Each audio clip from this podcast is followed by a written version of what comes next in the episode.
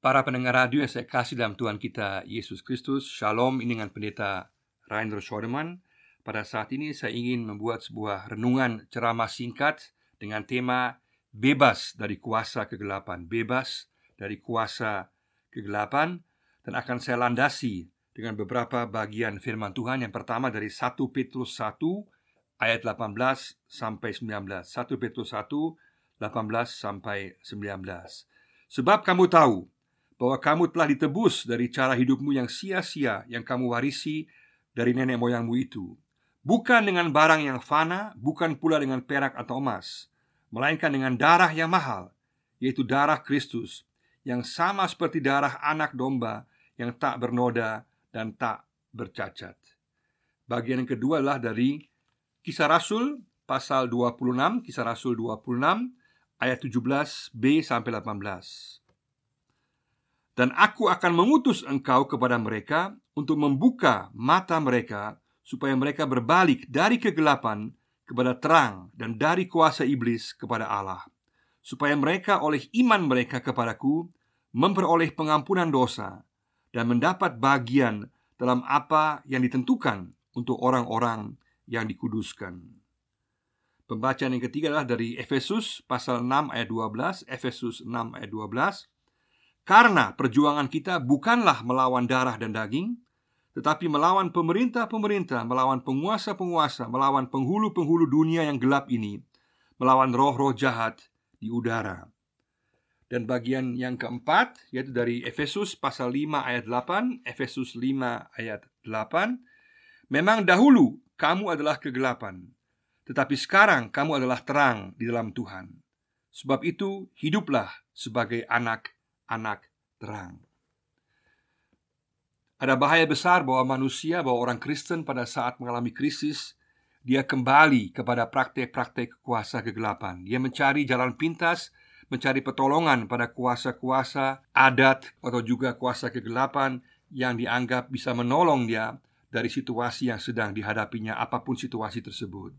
Tapi masalahnya adalah kalau kita telah ditebus oleh darah Kristus, telah menjadi orang Kristen, maka kalau kita kembali kepada praktek-praktek yang lama, berarti kita pada dasarnya menyangkal, kita menyangkal keberadaan kita sebagai orang Kristen, sebagai pengikut Yesus, dan yang lebih parah lagi tadi sesuai dengan 1 Petrus 1 18 dan 19 bahwa pada dasarnya kita menghina atau tidak mengindahkan atau tidak menghiraukan penebusan yang sedemikian mahal yang telah dilakukan oleh Yesus dengan darahnya.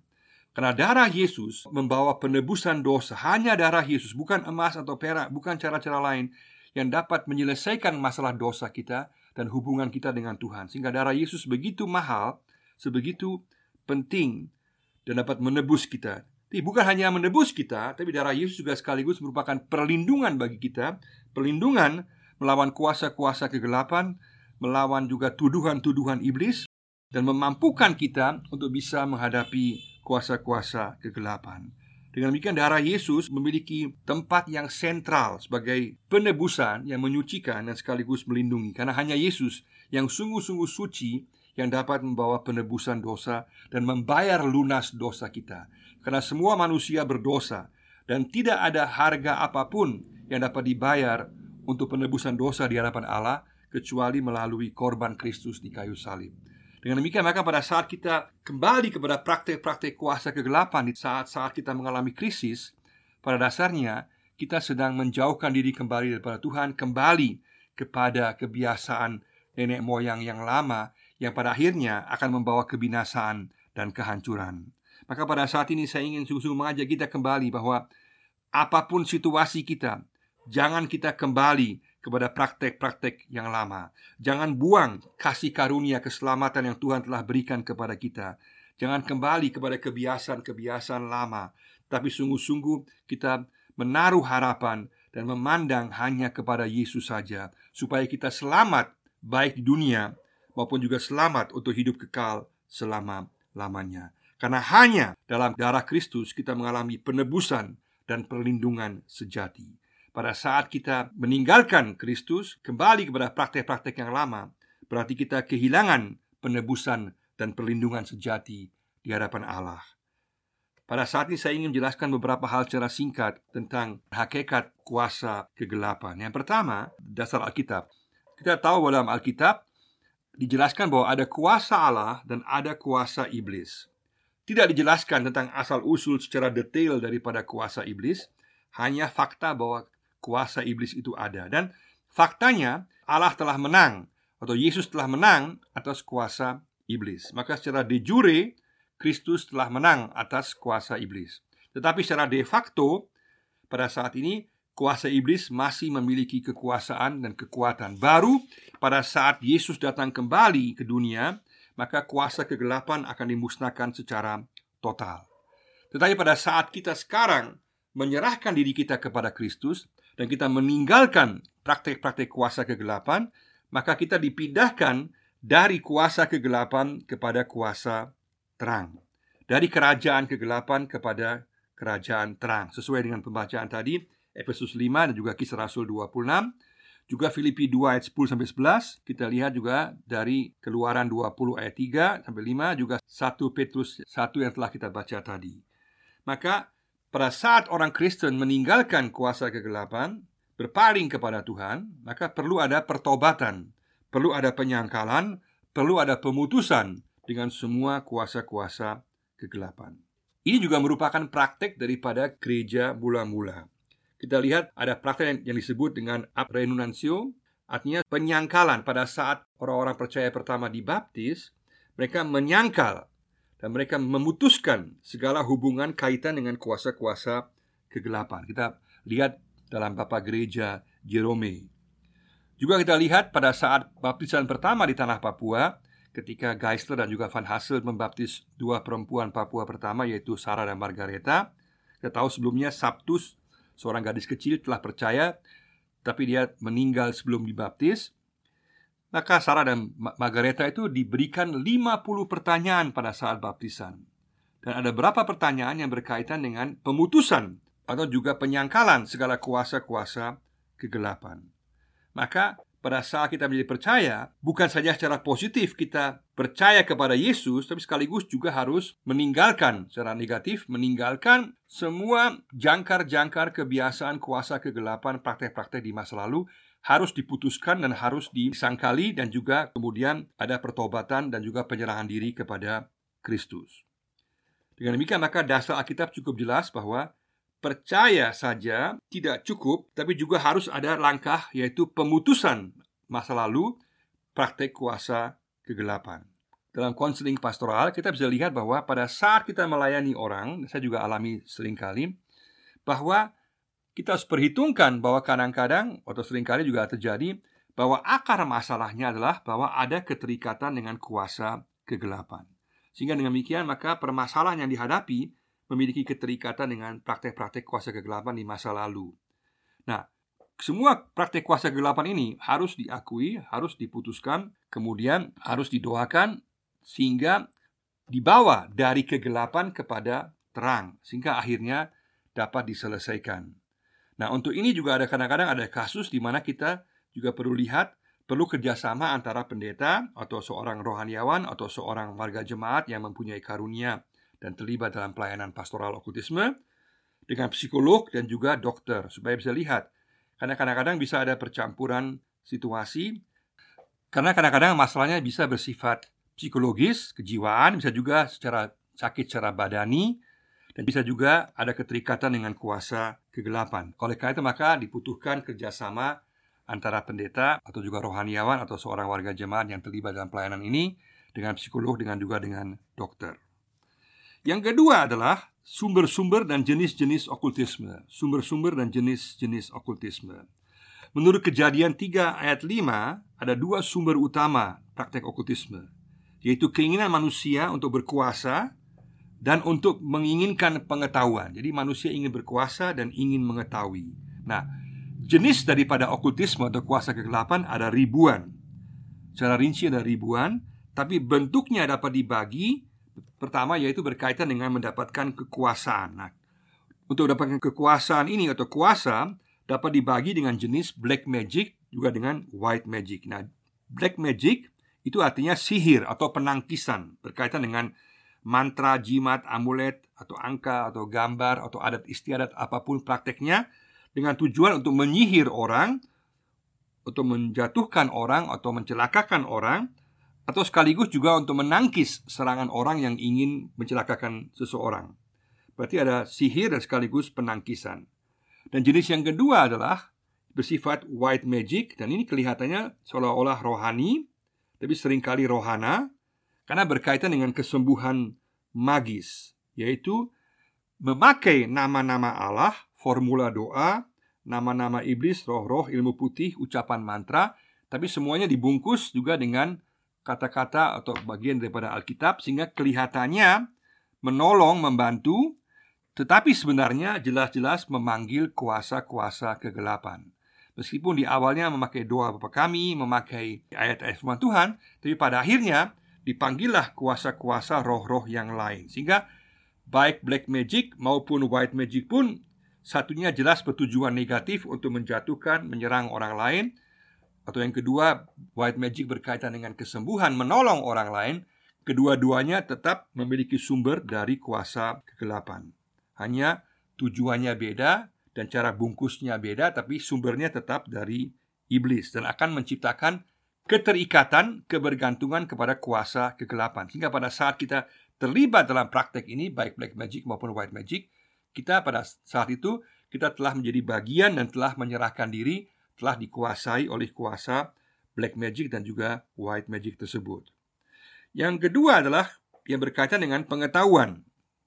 Kuasa tadi pertama, yang kedua adalah pengetahuan. Nah, ini misalnya dapat merasakan masa depan, misalnya dapat merasakan masa depan, untuk tahu masa depan telepati, hiperastesi, atau penglihatan sekonyong-konyong. Nah, semua ini tujuannya adalah untuk dapat merasakan masa depan dengan cara cara telepati, hiperestesia, atau juga penglihatan-penglihatan.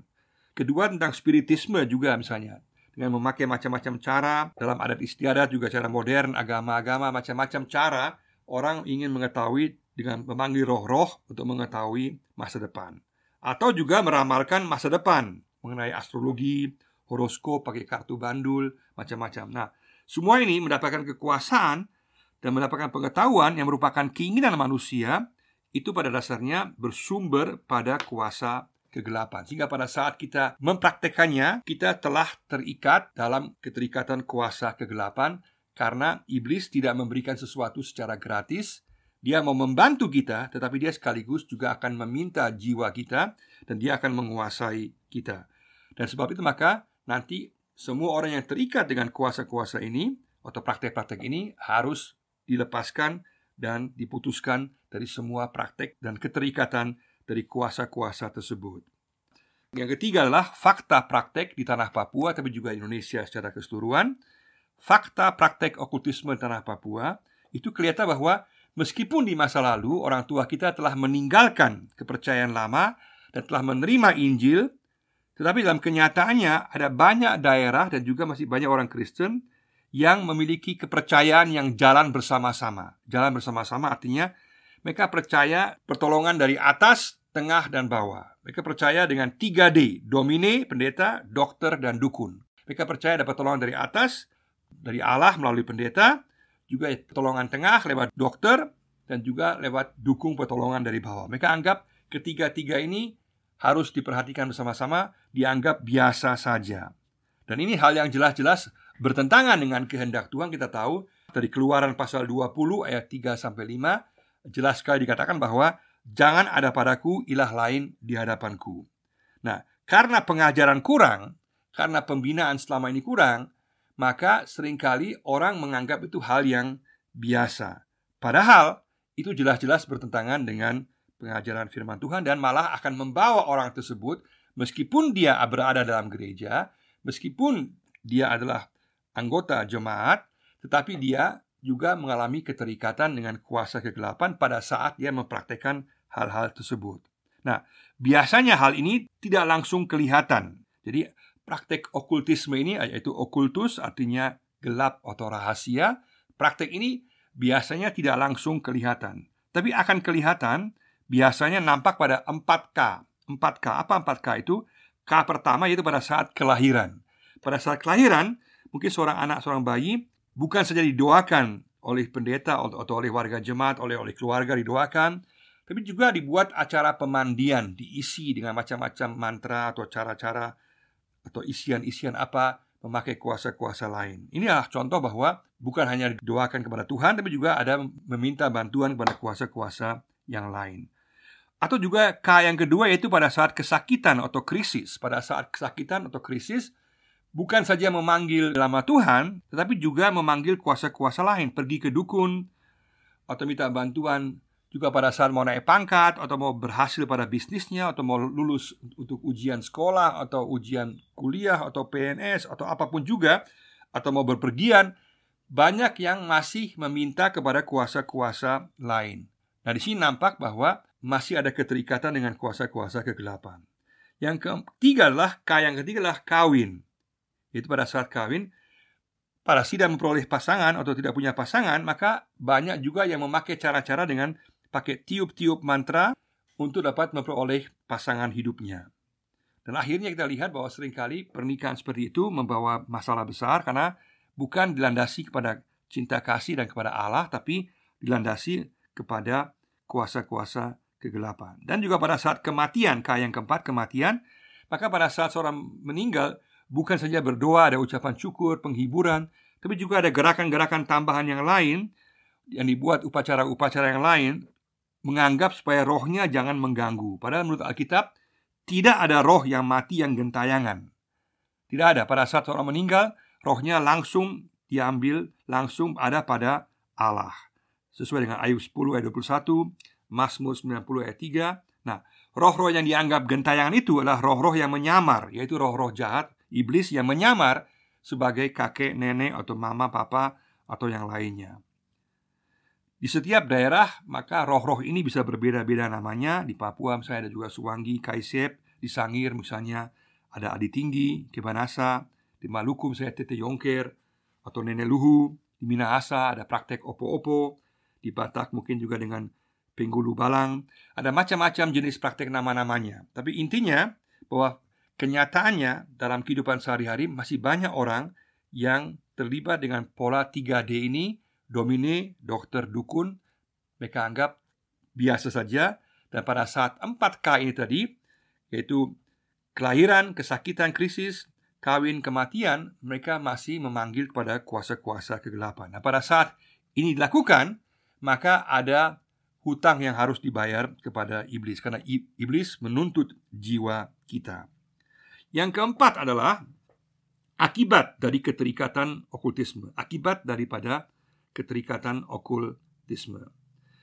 Yang pertama adalah akibatnya adalah ditolak, dihalau dari hadapan Tuhan. Itu Imamat 20 ayat 6, Ulangan 18, 9 sampai 14, 1 Tawarikh 10 ayat 13, Wahyu 22 ayat 15 Semua menjelaskan dengan sangat tegas bahwa Semua orang yang mempraktekkan hal ini Dan tetap dalam praktek itu Mereka dihalau, ditolak oleh Tuhan. Kenapa? Karena itu menentang hukum Taurat yang pertama. Dalam keluaran 20 Jangan ada padamu ilah lain di hadapanku. Yang kedua juga adalah Akibatnya adalah Tidak mewarisi kerajaan Allah. Galatia 5 ayat 19 21 Tidak mewarisi kerajaan Allah Dan akan mengalami kematian yang kedua Wahyu 21 ayat 8 Kemudian juga berhutang kepada iblis dan dikuasai oleh iblis dan akan tersiksa dengan iblis di neraka sesuai dengan Matius 25 ayat 41. Maka Praktek ini mempunyai dampak yang sangat-sangat besar. Di bidang rohani, dampaknya adalah orang cenderung untuk mengantuk dan malas dengar firman Tuhan, dan bahkan bersifat mengejek Injil dan juga tidak mengalami pertumbuhan rohani. Di bidang watak, orang dapat bersifat keras, egois, tidak terbuka. Ini juga bisa karena psikologis, tapi juga bisa karena keterikatan kuasa kegelapan. Di bidang jiwa, kejiwaan, bisa juga karena praktek kuasa kegelapan, orang dihantui terus-menerus oleh ketakutan, rasa cemas, putus asa, depresi, dan bahkan sampai keinginan untuk bunuh diri. Ini bisa juga diakibatkan oleh kuasa kegelapan. Saya katakan tadi bahwa semua ini harus kita lihat dengan menguji daripada pemahaman juga dokter, psikolog, dan juga dari sisi rohani. Di bidang nafsu, orang dapat memiliki emosi kemarahan yang tidak normal, ringan tangan, cepat memukul, melakukan kekerasan, iri hati yang berlebihan yang kuat sekali, kecenderungan mencuri, nafsu seksual yang tidak normal, macam-macam hal yang overdosis berlebihan dapat berasal daripada kuasa kegelapan. Juga dalam kehidupan keluarga dapat terjadi pertengkaran yang terus-menerus dengan melakukan kekerasan itu bisa merupakan tanda adanya praktek kuasa kegelapan. Dalam bidang ekonomi juga bisa terlihat bahwa orang tidak mengalami kemajuan jangka menengah dan panjang karena tidak bertanggung jawab dan tidak membuat rencana dan juga tidak hemat. Jadi bisa juga memiliki dampak ekonomi sehingga orang tidak mengalami kemajuan karena tidak bertanggung jawab, tidak berpikir panjang, tidak membuat rencana dan tidak hemat sehingga akhirnya ekonomi keluarga mengalami kehancuran. Itu bisa akibat daripada kuasa kegelapan. Dan juga bisa membuat orang menjadi tidak kreatif karena takut akan roh-roh sehingga tidak inovatif, tidak kreatif dalam berusaha. Ini juga merupakan akibat daripada keterikatan kuasa kegelapan. Dan juga dalam bidang kemasyarakatan secara umum ada kecurigaan yang terus-menerus siapa yang bikin siapa sehingga kehidupannya tidak tenang karena dikuasai oleh kebencian dan perpecahan. Karena pada saat sesuatu terjadi, maka orang langsung tuduh siapa yang buat ini Mungkin saya dibuat karena mungkin diserang oleh kuasa ini sehingga ini menjadi sesuatu yang turun temurun, ada permusuhan yang turun temurun sehingga banyak sekali kampung-kampung juga kita lihat di tanah Papua yang pisah karena kebencian ini, karena permusuhan ini, karena tuduhan ini yang terjadi karena kuasa kegelapan ya mereka anggap bahwa orang lain membuat mereka atau menyerang mereka sehingga akhirnya terjadi perpecahan. Dalam bidang politik juga terjadi bahwa orang baku rebut kursi, orang mau memperoleh posisi dengan segala cara, maka memakai kuasa-kuasa dengan tujuan supaya dapat memerintah, dapat memiliki kedudukan kedudukan yang tinggi. Dapat disimpulkan bahwa okultisme ini merupakan sebuah penghalang besar sekali yang sangat terbesar dalam pertumbuhan iman secara pribadi, juga penghalang dalam kesejahteraan pribadi, juga penghalang dalam kehidupan keluarga, dalam masyarakat dan juga ekonomi dan juga dalam pemerintahan secara keseluruhan bagi tanah Papua juga bagi Indonesia secara keseluruhan kalau orang masih terikat dengan kuasa-kuasa kegelapan ini karena ini akan mengganggu semua sisi, semua sendi kehidupan manusia. Maka sangat penting bahwa kita sungguh-sungguh menjauhkan diri dari segala jenis praktek kuasa kegelapan dan pada saat kita telah ter, terjerumus ke dalamnya untuk segera memutuskannya dan juga mematahkan dan juga meninggalkan segala praktek-praktek kuasa kegelapan tersebut. Yang kelima yang terakhir adalah jalan keluar dari keterikatan kuasa okultisme atau jalan keluar dari keterikatan kuasa kegelapan. Nah, setiap praktek okultisme baik aktif artinya apa artinya aktif kita pergi sendiri kita minta bantuan langsung pada dukun pada kuasa-kuasa lain atau yang secara pasif berarti kita misalnya dibawa orang tua, kita tidak pergi sendiri tapi orang tua bawa kita saat kita sakit atau kita dulu dimandikan, diisi dengan cara berbagai macam hal, baik aktif maupun pasif kedua-duanya berarti bahwa kita telah memberikan ruang kepada iblis sehingga harus dibuka dan harus dipatahkan. Artinya harus diterangi. Kuasa iblis akan dihancurkan pada saat diterangi. Pada saat kita membawanya kepada Kristus, maka itu akan dibuka diterangi maka kuasa iblis dapat dihancurkan sehingga semua klaim-klaim hak-hak iblis atas kehidupan kita dapat dipatahkan diputuskan sehingga kita sungguh-sungguh jadi bebas daripada semua jenis kuasa kegelapan. Nah, untuk itu untuk diputuskan dengan nama Yesus yang adalah nama yang berkuasa, maka ada lima langkah yang perlu diperhatikan di sini. Singkat yaitu pertama perlu ada analisa, perlu ada analisa tentang bagaimana keterlibatan kita. Artinya, kita lihat sejauh mana kita selama ini telah terlibat dengan kuasa-kuasa kegelapan atau orang tua kita atau nenek moyang kita. Kita coba kita catat semua, kita lihat semua, terus kita tulis supaya kita tahu apa yang telah kita lakukan di mana ada keterikatan atau praktek dengan kuasa-kuasa kegelapan. Nah, setelah itu setelah kita analisa, baru yang kedua adalah langkah pengakuan. Kita mengakui semua praktek tadi, semua hal yang telah kita lakukan harus kita akui karena itu merupakan sebuah ikatan dan ikatan ini harus diputuskan, dipatahkan dan itu hanya bisa pada saat kita dengan jujur mengaku membawanya kepada terang Yesus. Karena pada saat diterangi, maka praktek kuasa kegelapan dapat dihancurkan. maka kita perlu mengakuinya di dalam nama Tuhan Yesus. Kemudian yang ketiga adalah kita perlu menyangkalnya. Artinya setiap praktek tersebut, keterikatan tersebut harus kita sangkal, kita tolak, kita putuskan dengan nama Yesus. Supaya tidak lagi mempunyai hak atas kehidupan kita, sehingga kita sungguh-sungguh bebas daripada semua kutuk dan semua pengaruh daripada kuasa-kuasa kegelapan tersebut. Yang keempat adalah langkah penyerahan. Kita menyerahkan diri kepada Kristus, kepada Allah Bapa, Anak Roh Kudus, ada langkah penyerahan. Sehingga sekarang kita sekarang dikuasai oleh roh Allah. Sehingga roh Allah yang menguasai hidup kita. Sehingga tidak lagi ada kesempatan untuk kuasa kegelapan Untuk mencampuri atau merusak, mengganggu kehidupan kita. Kita menyerahkan diri kita sepenuhnya kepada roh Allah Kepada Kristus, kepada Yesus. Kemudian yang kelima adalah langkah follow up. Artinya langkah pelayanan lanjutan Sangat penting bahwa kita harus sungguh-sungguh menerima Yesus sebagai juru selamat pribadi kita kita menyerahkan kepada Yesus juga sekaligus berarti kita menerima Yesus sebagai juru selamat pribadi kita sesuai dengan Yohanes 1 ayat 12 sampai 13 juga Efesus 3 ayat 17. Menerima Yesus katakan Yesus aku menerima engkau sebagai juru selamat pribadiku. Kemudian kita memahami kedudukan kita yang baru yang kita miliki dalam Kristus. Sesuai dengan Galatia 2 ayat 20, bukan lagi aku yang hidup tapi Kristus yang hidup dalam aku. Juga Roma 6 ayat 6, 8 dan 11 Juga Roma 8 ayat 16 dan 17 Bahwa kita adalah anak-anak Allah. Juga Yohanes 1 ayat 12 Yohanes 4 ayat 4 1 Korintus 6 ayat 19 sampai 20 Semua menggambarkan bahwa sekarang kita adalah anak-anak Allah Kita adalah ciptaan baru Dan kita berada dalam kekuasaan Allah dan kekuasaan Kristus Kemudian juga penting bahwa kita belajar untuk menggunakan selengkap senjata Allah. Sesuai dengan Efesus 6 ayat 10 sampai 12, kita menggunakan perlengkapan Allah untuk melawan serangan-serangan iblis. Pada saat kita melawan kita dapat serangan atau mendapatkan uh, serangan dari iblis, maka kita memakai kuasa firman Tuhan, kuasa nama Yesus, yaitu firman Allah yang dapat mengalahkan kuasa iblis.